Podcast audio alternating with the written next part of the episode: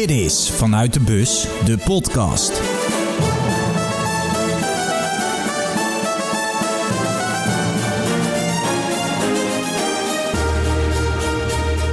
Een nieuwe dag, een nieuwe gesprekspartner. Gisteren in Breda en op een steenworp afstand, precies, daar ligt Roosendaal. De plek waar RBC Roosendaal gevestigd is. Het andere Oranje en dan ineens Volendam. Sinds begin dit jaar is Robert Braber, onder andere ex-Willem II, NAC Breda, RKC Waalwijk en Excelsior Rotterdam, daar hoofdtrainer. Na een paar gezellige biertjes, het bekijken van Nederland-Oostenrijk en een hoop mooie gesprekken trok ik hem achter de microfoon. We spraken over zijn zoektocht na zijn carrière, zijn supporterschap van Oranje en uiteraard de ontwikkelingen bij RBC dat zo snel mogelijk weer omhoog wil.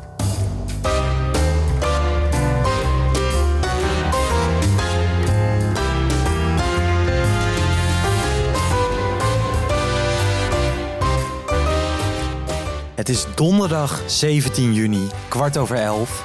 Ik zit hier in de kantine, de gloednieuwe kantine in het RBC Roosendaal Stadion. Tegenover Robert Braber. Goedenavond. Goedenavond. Leuk dat je hier aanwezig bent. Ja, superleuk dat ik langs mocht komen. We hebben net het uh, Nederlands elftal gekeken. Vooral heel veel zitten praten. Ik ben gefascineerd door deze club, het andere oranje. En jij bent uh, de kerstverse trainer, hè? Ja, kerstvers kan je het noemen, maar inmiddels ben ik al uh, drie maanden trainer. Hè. Normaal ga je op uh, 1 juli ja. beginnen. Alleen uh, ja, vanaf februari dat ik aangesteld ben, ben ik eigenlijk in maart begonnen met, met trainen al. Ja. Dus voor mij voelt het al alsof ik hier al een, een eeuwigheid ben. Ja, RBC Roosendaal, voor de mensen die zich afvragen van, bestaat dat nog? Ja, dat bestaat zeker. inmiddels tweede klas, hè? Uh, tweede klas uh, zondag. Ja, ze zijn uh, uiteindelijk na het faillissement zijn ze in de vijfde klas zondag ja. een doorstart gemaakt. Nou zijn ze in tien jaar tijd van de vijfde klas tot de tweede klas gekomen. Nou, ja, drie promoties. Um, uiteindelijk had RBC natuurlijk het verzoek uh, toen ze failliet gingen om zo hoog mogelijk in amateurs. Hè, geprobeerd ja. om in de hoofdklasse doorstart te maken. Om zo snel mogelijk weer betaald voetbal aan te tikken. Ja, dat is niet gelukt. Um, ja, nu uh, op dit moment is er wel een plan uh, om echt door te pakken. En snel de top van amateurs te bestormen. En ja, dat vind ik een mooi plan. En daar wil ik graag deel van uitmaken. Jij hebt je erbij aangesloten. En je hebt de jeugd van NAC ingeruild voor deze klus, hè? Ja, kijk, uh, uiteindelijk ben je naar een zoektocht bezig voor jezelf. Hè? Wat past bij me? En uh, daar doe je verschillende functies. Uh, ja, vanaf het voetbalveld ben ik direct in de rol van teammanager bij RKC ja. gestort. Accountmanager daar geweest. Uiteindelijk jeugdtrainer bij NAC. Ja, uiteindelijk heeft elke voetballer heeft, heeft een zoektocht nodig om te vinden van wat past het best bij je. Nou, voor mij was heel duidelijk dat ik ben een voetbaldier en ik wil met voetbal bezig zijn. Dus je wil zo dicht mogelijk bij het voetbal zijn. Nou, uiteindelijk het meest dicht bij, uh, bij zelf voetballen ligt trainer zijn. Ja. Uh, en dat, dan, dan ben je echt op het veld bezig en, en dat voelt uh, dichtbij. Nou ja, uiteindelijk kwam deze kans voorbij. En ja, voor mijn gevoel was dit, dit op mijn lijf geschreven. Dus, dus op het moment dat het er voorbij kwam, dacht ik van ja, grijp je die kans. Maar het is wel grappig, want je zegt inderdaad teammanager geweest bij RKC. De, de legendarische wedstrijd tegen Go Eagles meegemaakt. 5-4 op de Adelaarshorst. Accountmanager geweest. Um, jeugdtrainer geweest. En nu uiteindelijk hier beland. Ik sprak eergisteren uh, Duplan, oud uh, Sparta, FC Utrecht, et cetera. En hij is ook op een soort zoektocht bezig. Maar de meeste spelers beginnen dan als jeugdtrainer. En niet juist als accountmanager of teammanager. Nou, ik denk dat gedurende mijn carrière uh, voor heel veel mensen waar ik uh, mee gewerkt heb en uh, waardoor ik ook uiteindelijk teammanager geworden ben, zagen mijn kracht ook wel in ja. de omgang met spelers. Ik ben heel toegankelijk, ik ben heel sociaal. Um, uiteindelijk gaan andere mensen om je heen ook wel inschatten wat jouw kwaliteiten zijn, mm -hmm. zeg maar. En ik denk ook dat teammanager, ik was een van de spelers. Dus, dus ja. ik, ik, ik kon precies tussenin staan. Ik regelde alle verdoen. Dat paste wat dat betreft, qua karakter paste dat heel goed bij me. Um, ik kon dat perfect invullen. En, en ik weet zeker dat, dat elke speler die bij RKC gezeten... dat ze allemaal aan het eind van carrière zeggen... met welke teammanager heb je de beste klik gehad? Dat ze allemaal zeggen dat het met mij was. Ja. Alleen mijn eigen ambitie uh, is dat ik meer invloed wil hebben op het voetbal. En als je teammanager bent, heb je niet um, continu invloed op het voetbal. Want dan moet je ook gewoon in je rol schikken. En dan, dan ga je niet over het voetbal. Dan ga je niet over tactiek. En als je wel eh, verstand van tactiek hebt, dan wil je ook daarmee bemoeien. En als je daar niet mee kan bemoeien, ja, dan gaat het op een gegeven moment gaat dat tegen je werken. En, en dat is het geval. En een supergoeie ervaring en supergoed om te leren uh, wat je wel en niet kan doen. Uh, alleen, ja, uiteindelijk is voor mij wel de zoektocht. Ik ben een seniorentrainer. Ik wil mijn eerste elftal waar je echt aan tactiek kan werken, waar je echt dingen kan doen. Ja, ja. Dat, dat heb ik nu al meegemaakt. Heb je wel eens gewoon, uh, los van de trainer bij RKC, was dat dan Fred Grim, dat je echt dacht van, dat, dat lijkt me lastig. Als jij zegt van, ik ben zo'n voetbaldier, ik zie zelf ook wat ik zou doen. Gewoon dat je dacht van, ja, ik zou anders wisselen of zo. En dat je op dat moment besefte van, ja, misschien moet ik zelf trainer worden. Dat kan ik me goed voorstellen. Nee, maar ik ben uh, de laatste jaren op het veld, uh, of dat bij Willem II was of bij Helmond, ben ik ook altijd een trainer geweest eigenlijk. Ja. Ik was heel veel met tactiek bezig. Ik was altijd met spelers bezig. Uh, dus ik ben altijd al, ja, eigenlijk bij Helmond, daar voetbalde ik de laatste twee jaar. Ik bepaalde eigenlijk wat er gebeurde op het veld. Ja. Ik was met de tactiek bezig. En dat is niet uh, lullig over de trainer of wie die zat. Als die een bespreking deed en ik zei op het veld daarna van... jongens, we gaan het anders doen. We gaan het zo doen dan, dan gebeurde dat. Dan gebeurde ik, dat. ik, had een, ik had een idee over voetbal. Ja. En daar stonden heel veel jongens stonden daarachter, heel veel spelers. Dus dan heb je wel het idee, oké, heel veel mensen volgen mij in mijn visie over voetbal. Dus eh, ik zou ook wel eens een, uh, een trainer kunnen zijn, zeg maar. En zo heb ik dat een beetje ondervonden. Maar eigenlijk zeg jij, jij zegt aan de, als eerste zeg je van ja, tijdens gedurende je carrière gaan mensen een beetje bepalen van oké, okay, wat zou bij je passen? Teammanager, dat, dat zou heel goed bij je passen, omdat je een soort people manager bent. Maar ben je dan ook in zekere zin een klein beetje verkeerd geframed omdat je een hele gezellige gozer bent? Maar dat dat tactische onderdeel en het, en het sturen onderbelicht nee, ik denk, is gebleven? Ik denk dat heel veel mensen om me heen wel wisten dat ik uh, verstand van tactiek had. En, uh, alleen, ja, als je stopt met voetballen, um, je moet ook aan jouw carrière werken. Dus je kan niet zomaar in één keer... Um, eisen dat je, als je stomme voetballer, dat je een hoofdtrainer wordt van, van bij wijze van Nee. betaald voetbal. Nee. Iedereen moest er stappen maken. Ik was ook met Ja. mijn trainingscursussen bezig. Dus uh, jij moet je gaan ontwikkelen en je moet, je moet gewoon je breed oriënteren. En ik ben ook wel iemand. Uh, bij welke club ik ook heb gezeten, ik ging na de wedstrijd altijd tussen de sponsoren staan praten. Ja. Weet je, ik was ook uh, iemand die eigenlijk heel breed georiënteerd was. Ik was niet zo, uh, ik kan alleen maar voetballen en ik kan alleen maar trainer worden. Nee, ik kan veel meer dan dat. Ja. Dus ga je op zoek naar wat je goed kan. En uiteindelijk hebben andere mensen ook het idee van waar je goed in bent. Maar puntje bij paaltje ga je zelf bepalen Ja, wat het beste bij je past. En waar je het meest gelukkig van wordt. Maar bijvoorbeeld dat tussen sponsoren staan, daar komt dat accountmanager dan weer vandaan. Ja, maar dan in accountmanager heb je nog een verschil tussen ehm, relatiebeheer, Ja. eh, lekker tussen de mensen staan, of eh, koude acquisitie. Koude acquisitie is gewoon wildvreemde mensen opbellen Ja, van weer als gesponsord wordt. Ja, zo kom je er gewoon achter wat nou goed bij je past en wat je nou dagelijks van doen.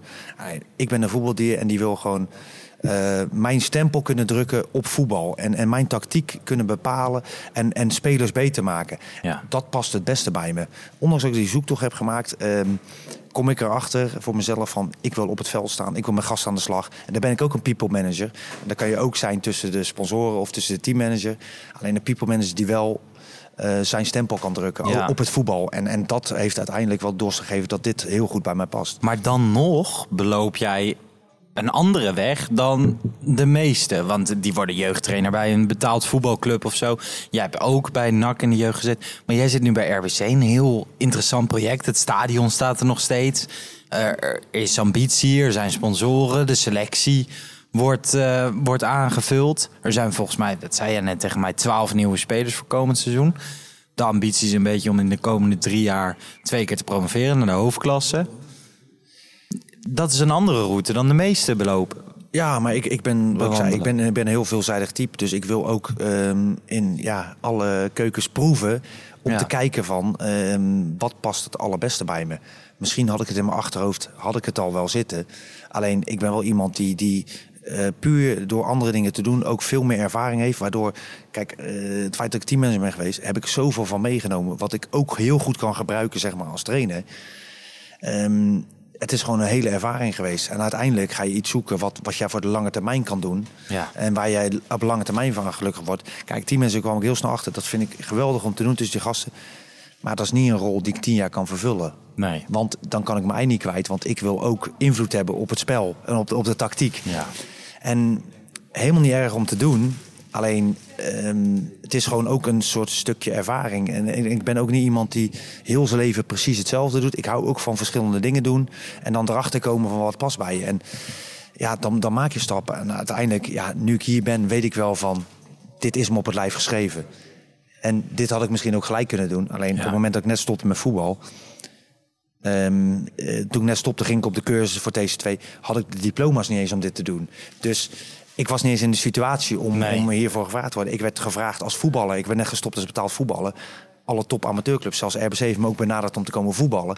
Ja, dat is de situatie. En ze hebben me nooit benaderd om trainer te worden. Nee. Dus, dus, dus je groeit in je rol in de loop der jaren. En, en zo is dat hier ook gebeurd. En dit was het moment dat zij dachten van... ja, jij kan wel eens de ideale trainer voor ons zijn. En ja, het voelde gewoon wederzijds zo goed. En eh, zo ben ik erin gestapt. Is dat echt zo gegaan dat je zeg maar gevraagd werd als voetballer? Je gaat er een gesprek aan van, nou ja, ik wil eigenlijk wel misschien geen eens meer voetballen, maar ik wil wel trainer zijn. Maar Nee. gewoon, dit is heel makkelijk geschetst. Hè? Dat nee, eh, maar ik, ik wilde... Toen ik stopte met voetballen zelf, betaald voetbal... Ik hield zo van het spelletje. Ik wilde voetballen, ook op amateurniveau. Ik ben naar Halsteren gegaan. Ja. Nou ja, eh, hoofdklasse, best wel een goed niveau.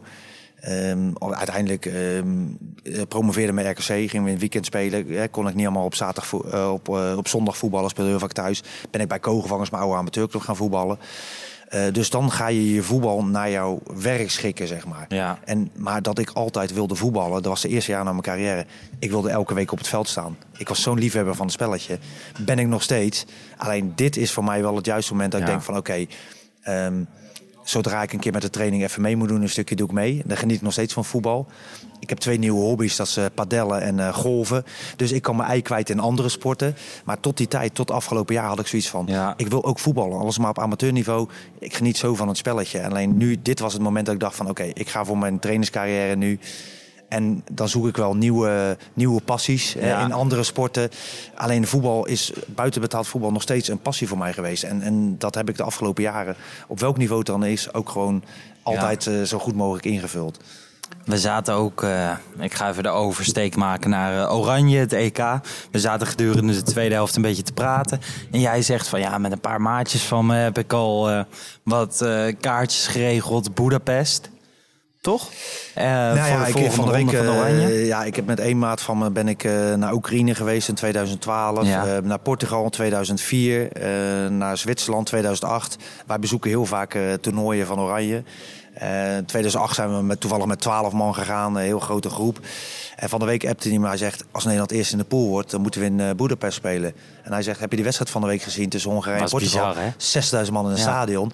Hij zegt, dat is weer iets voor ons. Want wij zijn, zeg maar, de Oekraïne, eh, een hele grote groep altijd. Oekraïne waren we nog met z'n tweeën, ik met die maat van me. Hij zegt, Ja. wij gaan gewoon. Ja, en de rest die was natuurlijk zo jaloers dat wij daar zaten in Oekraïne, in Kharkov. Uiteindelijk was het een, een EK van niks en eh, verloren ook van Duitsland. Ja. Maar wij waren wel in Oekraïne en we hadden een megatrip. En wij liepen eh, volledig met de oranje dubbeldekker liepen wij mee. Weet je wel, we hadden al die connecties daar. Ehm, ja, wij zijn echt oranje-minded. Eh, ik ben ook een hele kwalificatie geweest. Of het in Amsterdam was, in Eindhoven. Ik heb zoveel wedstrijden gezien. Ja, wij hebben allemaal eh, een oranje gevoel. En, ja, het is oranje. En oranje voelt bij ons een beetje als carnaval, zeg maar. Ja. En wij zijn allemaal Brabanders. En, en voor ons is carnaval het gemoedelijke, gezamenlijke. En dat is bij Oranje ook. En ja, toen stuurde hij van de week naar mij. Hij zegt, als ze doorgaan eerst in de pool worden, gaan wij, wij gaan naar Boedapest. Ik stuurde, ik ben erbij. Hij zegt, ik ga het uitzoeken. Dus, dus ja, ze zijn eerst in de pool, ze gaan naar Boedapest. Ja, ik ga morgen eens even op mijn telefoon kijken wat hij, eh, wat hij gestuurd heeft. Maar Ja. ja. ik weet zeker dat hij nu al een vlucht heeft gezocht. En eh, dat de kans eh, redelijk aanwezig is dat ik, Dat eh, dat ik naar Boedapest ga. Ja. Maar dat is ook wel gelijk van, eh, wij zijn, je zegt wij zijn Brabanders, we houden van gezelligheid, het is een beetje carnaval. Dat is ook wel een beetje wat het land, de normale supporter, ook wel eens oranje verwijt. Eh, Dat het allemaal carnaval te, is. te ludiek is en kan er, ja, Clownesk. ehm, ja, clownesk. Ja, kijk, ehm, wat er op het veld gebeurt en wat er buiten het veld gebeurt, ik kan er heel goed scheiden. En dat komt natuurlijk ook eh, door mijn carrière. Mhm. Ik hou gewoon van sfeer, gezelligheid en op welke manier het is rondom het veld. Ehm, ik vind dat mooi. Op het veld ben je allemaal serieus bezig, wil je allemaal Ja. presteren. Wat er buiten het veld gebeurt, hoe gezelliger, hoe beter ja, ik het vind. Tuurlijk, ik hou ook van ehm, de Kuip die ervoor aanmoedigt. Nou, eh NAC waar het publiek voor achter gaat staan. Ja. Is een andere beleving dan het Nederlands elftal met een dwelband. Alleen, het is wel allemaal supporteren. En ik, ik vind het allemaal mooi. Ik wil in een stadion spelen, als ik zelf voetballer was, waar lawaai is, waar reuring is. En, en dat is voor mij belangrijker dan... ehm, In ja, welke stijl dat Ja, in welke stijl dat dan uiteindelijk is. Ik bedoel, ja, ik heb het ook altijd mooi gevonden als, als er eh, in de Kuip 50.000 man uitfloten. Ja. Ik vond dat mooi, zeg maar. Ik wil gewoon, maar er gebeurt wat en er is geluid. En ja, eh, ik geef er niet zoveel om dat het eh, ja, een beetje carnavalachtig is bij het Nederlands elftal. Ik ben al lang blij dat, dat, we, dat we gewoon samen iets kunnen vieren. En, en, en als je dan wint, ja, ik bedoel, of ze nou heel, de- heel de wedstrijd met een dwelband hebben gezeten. Als je elkaar om de nek vliegt na een overwinning, dat is het mooiste moment. Daar draait het Ja. uiteindelijk om. En ja, ik, ik kijk niet zo naar dat. Je moet niet gaan kopiëren dat, dat eh, de supporters van Oranje dezelfde beleving hebben als, als in Engeland, zeg maar. Nee. De passie. Ik ben al lang blij dat iedereen blij is en gelukkig is. En op welke manier het ook gaat. Ja, ik, ik hou gewoon van emotie. En ook bij Oranje is gewoon emotie. Ja, en eh, dan ga ik het even richting het, het Nederlandse elftal trekken. Ze hebben nu twee wedstrijden achter de rug. Ik had, eh, we, hadden het, we hebben bijna de hele tweede helft zitten praten. We hadden het op een gegeven moment over, even over Dumfries en zo. Eh, als jij trainer was geweest, had je dan ook deze 5-3-2-formatie gehanteerd? Nou, ik, ik vind het heel moeilijk om te oordelen altijd. Eh, jij bent niet bij de groep, je bent niet op het trainingsveld. Kijk, ik, ik beoordeel bij mezelf weer bij RBC. Op het Ja. trainingsveld ga ik altijd kijken hoe iedereen... Kijk, van buitenaf vind ik het zo makkelijk om te zeggen van je moet zo en zo spelen. Ja. Ik zou op trainingen heel veel kunnen zien. En ik ga er vanuit van de deskundigheid van alle mensen die om het Nederlands elftal zitten... dat zij op basis van de trainingen eh, dit de beste oplossing vinden. Ja. Tuurlijk zijn we allemaal bondscoaches, zouden we het allemaal anders doen. En iedereen, de ene zou 4-3-3 spelen, de ander... Ik denk dat, dat, dat zij met eh, vol verstand voor deze eh, opstelling kiezen. Ehm tuurlijk vind ik sommige spelers aantrekkelijker om te zien. Hè. Dan zou ik puur van de buitenwereld zeggen van ja, die zou ik eerder opstellen. En Donny Malen die nu invalt. Als Ja. vind ik een leuke speler om te zien. Alleen, ik ben ook een trainer die altijd wil winnen. En als ik op de training zie, ja, deze speler is een leuk speler voor het publiek. Maar met deze spelers eh, zie ik op de training dat je eerder een wedstrijd wint. Zou ik die ook opstellen? Ik, ik zou me ook niks aantrekken van de publieke opinie. Ik zou altijd denken, met welke spelers gaan we een wedstrijd winnen? En die zou ik opstellen. En ik, ik denk dat dat nu ook gebeurt. En blijkbaar is dat nu in de 5-3-2. Ja, zoals Frenkie de Jong ook al heeft gezegd. Systeem dat telt niet. Het gaat erom waar je, waar je loopt. En, Dat en, is ook helemaal en, waar. en iedereen heeft het over een systeem, maar er is geen systeem. Want er is gewoon een veldbezetting. En de veldbezetting staat boven elk systeem. Ja, maar het is wel gewoon. eh, ik sprak vorige week met Mike Snoei. Daar trok, trok de parallel tussen zijn de graafschap met 5-3-2 dit seizoen. En Frank de Boer, die 5-3-2 speelt. Ehm, en Ralf Seuntjes zei gisteren in de podcast van. Ja, als je een verdedigend systeem speelt, word je er wel veel sneller op afgerekend. Dan dat je aanvallend voetbal speelt en dat je faalt. Dus als je bijvoorbeeld Pep Guardiola ziet, Manchester City wil de Champions League winnen, speelt aanvallend, lukt het niet. Oké, dan wordt sneller geaccepteerd dan bij José Mourinho. Nee, maar ehm, het erop afgerekend worden. Ja, ik, ik praat nu als trainer. Mij gaat het niet om of ik afgerekend word zeg maar, door de publieke opinie. Maar gaat het erom, ik wil een wedstrijd winnen. En welk systeem is dat? Ja, ik ga niet een aanvallend systeem neerzetten... omdat het publiek eh, je er dan eerder op afrekent. Nee, als trainer kijk je toch gewoon... wat is mijn beste opstelling om de wedstrijd te winnen? En jij zegt ja 5-3-2, maar dat kan ook 3-5-2 zijn. Hè? Ja, En 3-5-2 nee, zeker. klinkt heel veel aanvallender. Zeker. Als je, als je Dumfries ziet de laatste tijd, die is bij elke goal betrokken. Dat is de rechts, Ja. rechtsback. Als je 5-3-2 speelt, is de rechtsback. Maar eigenlijk is het gewoon een rechtsbuiten. Dus, Zeker. dus 3-5-2 of 5-3-2, daar kan je heel anders invullen. Eh, 5-3-2 kan heel aanvallend zijn. Ligt eraan hoe je het invult. Dus ja, dat is de publieke opinie. En eh, laat zo zeggen, ik neem mensen serieus, zeg maar, die echt verstand van voetbal hebben. Maar de, de publieke opinie die alleen maar kijken naar 4-3-3 of 5-3-2, 5-3-2 is verdedigen en de 4-3 is aanvallend, kan ik niet serieus nemen. Want die hebben te weinig verstand van hoe je een veldbezetting hebt en, en een invulling van een systeem. En, en dat, is, dat is het hele probleem. Iedereen die hangt aan een, een systeem, 4-3 of 5-3-2, Ja. en die vinden daar iets van. Maar die kijken niet van, oh, spelen we aanvallend of spelen we niet aanvallend? Nee. En dat is waar ik naar kijk. Spelen we aanvallend, proberen we dominant te zijn of proberen we niet dominant te zijn? En dat is een wereld van verschil. En alleen, ja, je kan je niet, ik bedoel, van de 17 miljoen bondscoaches, hebben de 15 miljoen hebben nul verstand van voetbal. Nee, maar ja, dat is heel lullig gezegd, maar zo werkt het wel. Dat is, eh, dat is 100% waar. En ehm, als jij, zeg maar, als supporter, jij gaat straks naar Boedapest. Achtste finale. Dan maakt het je dus niet uit of er 5-3-2 wordt gespeeld of 4-3-3, dan gaat het wel echt puur om resultaat. Je gaat niet om, Ehm, om het leuke het spel. gaat, het gaat, daar gaat het zeker om resultaat. Uiteindelijk ehm, ben ik zelf een trainer die resultaat gekoppeld wil zien aan gewoon een goed spel. Want, want ik geloof wel in als jij dominant bent en goed speelt en al je randvoorwaarden goed geregeld hebt, is het voor iedereen leuker om naar te kijken. Ja. Maar uiteindelijk wil je gewoon winnen. Maar ik denk dat je met, met goed spel heb je meer kans om te winnen. Ja. En, en daarom denk ik van je moet altijd naar goed spel toe gaan. Want met goed spel wi- win je eerder dan met slecht spel. En, en goed spel moet je gewoon zorgen dat je gewoon een goede veldbezetting hebt. En of dat dan 3-5-2 is of 4-3, daar gaat het niet om. Het gaat erom. Ik heb naar Italië gekeken gisteren. Denk ja, daar geniet ik echt Dat van. is Dat is echt voor mij mooi, het ja. oude Nederlands elftal van, van jaren geleden. Als je de bal niet hebt, moet je zo snel druk zetten om de bal wel weer te hebben. Dat zou ik ook heel graag bij, Nederland zien. Dat je gewoon zo snel mogelijk de bal verovert als je, als je hem niet hebt. Italië en, en dat is het enige wat ik nog mis. Maar het collectief, maar wel gewoon. Dan ben je dominant in mijn ogen. En ik, ik ben ook een trainer zelf die dominant wil zijn. En die, ik zeg ook tegen al mijn spelers altijd: als je de bal wel hebt, word je totaal niet moe. Als je de bal niet hebt, dan word je moe. En, en daar moet je naartoe. En zo zou ik als trainer denken. En ja, nu ben je natuurlijk een van de zoveel bondscoaches. Ik zou het Nederlands zelf ook graag dominant willen zien. Ja. Alleen als dat niet de mogelijkheid is, ja, dan zie ik ze liever graag winnen. En dan hoeft ze niet dominant te zijn. Maar de, als ik nu een beetje de algemene tendens op moet maken, dan ehm, zien we jou in Budapest met een oranje pet op. En zien we jou Nou, ja, hier. Of, of Boy Buffel die hierachter ziet, zeg maar, met de, met de oranje shirt aan en een Boy Buffel kop op in Budapest. Dan weet je in ieder geval dat ik het ben. Boy Buffel is de mascotte van de RBC. Om, eh Nou, om dat is toch een mooi pakje, of niet? Ik bedoel, Zeker. zijn kop kan oranje zijn, maar eh, ja.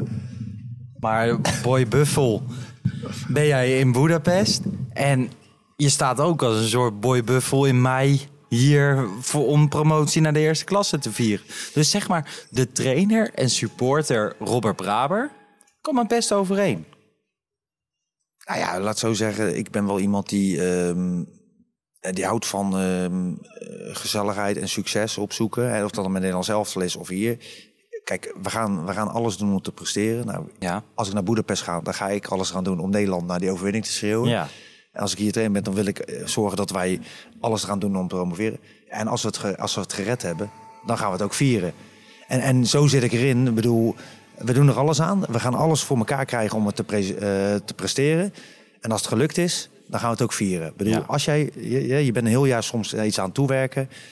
En dan moet je er ook vieren. En ja, ik sta er ook algemeen onbekend dat als het gelukt is, sta ik ook vooraan, zeg maar, als er een feestje is. En, en dat zal altijd zo blijven. Laatste vraag. Gewoon als je hier eh, straks weer eh, in de tweede klasse voetbalt, competitievoetbal. Jullie spelen gewoon in het stadion, in het oude stadion waar ook de eredivisie werd gevoetbald. Kunnen mensen gewoon komen kijken? Even los van eh, COVID-19 en de Ja. maatregelen. Gewoon. Nou ja, vanaf 3 juli spelen we tegen Dordrecht. Hebben we een wedstrijd. Ja. Hè? De eerste al van Dordrecht. Nou, dus nu groen licht gekomen dat de mensen mogen komen kijken. Eh, in welke hoedanigheid, hè? of met Ja. de testen of dit. Maar er mag publiek bij zijn. Nou ja, dat, is- dat is een schitterende wedstrijd voor ons. Ehm, ja, over twee weken de, de nieuwe doorstart van RBC tegen Dordrecht. Ja. De club waar tegen de laatste wedstrijd in het betaalde voetbal ooit was. Hè? Die wonnen Ja. ze nog. Bleven ze erin. Ja, een week later waren ze toch failliet. Hè? Waardoor Dordrecht, eh, of Almere er uiteindelijk in bleef. Hè? Daar ging het toen tussen. Ja, uiteindelijk... eh, eh, ja, het publiek mag weer komen. En in welke hoedanigheid. Maar het is al zo geweldig voor het publiek dat ze weer mogen komen kijken. En ik denk dat, eh, dat wij heel blij moeten zijn dat wij weer gewoon met publiek mogen spelen. En dat we gewoon weer eh, iedereen warm Ja. mogen maken voor RBC. En ik denk echt dat dat, ja, dat het ook gaat gebeuren. Want ik merk aan alles en iedereen dat iedereen enthousiast is over eh, het nieuwe RBC, zoals we dat noemen. Nou ja, ik ben persoonlijk, ik hou van stadions, ik hou van wedstrijden bezoeken, op nieuwe plekken komen.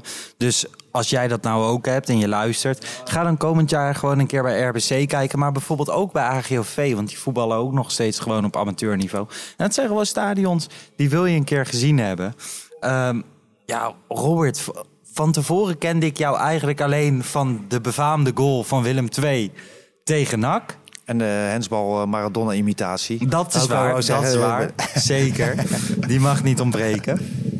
Maar eh, nu ken ik je veel beter. Bijvoorbeeld toen ik hier binnenkwam lopen... had ik geen idee dat jij ook daadwerkelijk oranje supporter was. En dat is een hele grote toevoeging op deze podcast. Veel plezier in Budapest als je gaat.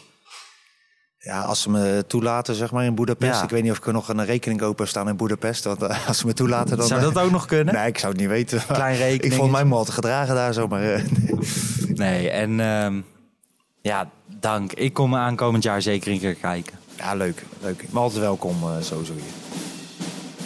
Een gekscherend tweetje van een Fortuna-fan zorgt voor Tour de handhaving die vandaag plaatsvindt. Drie supporters gaan samen met onder andere wat spelers van Utrecht naar Sittard fietsen, omdat Fortuna in de eredivisie bleef. Ze zamelen geld in voor supporters die getroffen zijn door de coronacrisis en zo op deze manier toch nog een seizoenkaart kunnen krijgen. Tot zover staat de teller al op meer dan 6500 euro. Benieuwd wat ze precies gaan doen of wat geld doneren? De link staat in de beschrijving. Ja, dat was hem dan weer. Een heerlijk gesprek met Robert Braber. Wat een leuke gozer is dat. Ik ga komend seizoen zeker een keer kijken bij RBC. En hoop voor ze dat ze de komende jaren echt weer gaan doorstoten. Ik ga mijn reis weer vervolgen. Wat er morgen op het programma staat, dat is nog ongewis. Maar dat het leuk wordt, weet ik zeker. Mocht je feedback willen geven of gewoon wat kwijt willen, kan je mij een berichtje sturen op Instagram @larsjesse of op Twitter @larsjesse94. Voor nu wens ik iedereen een fijne dag. Geniet van het voetbal en tot morgen. Bis morgen. Ciao.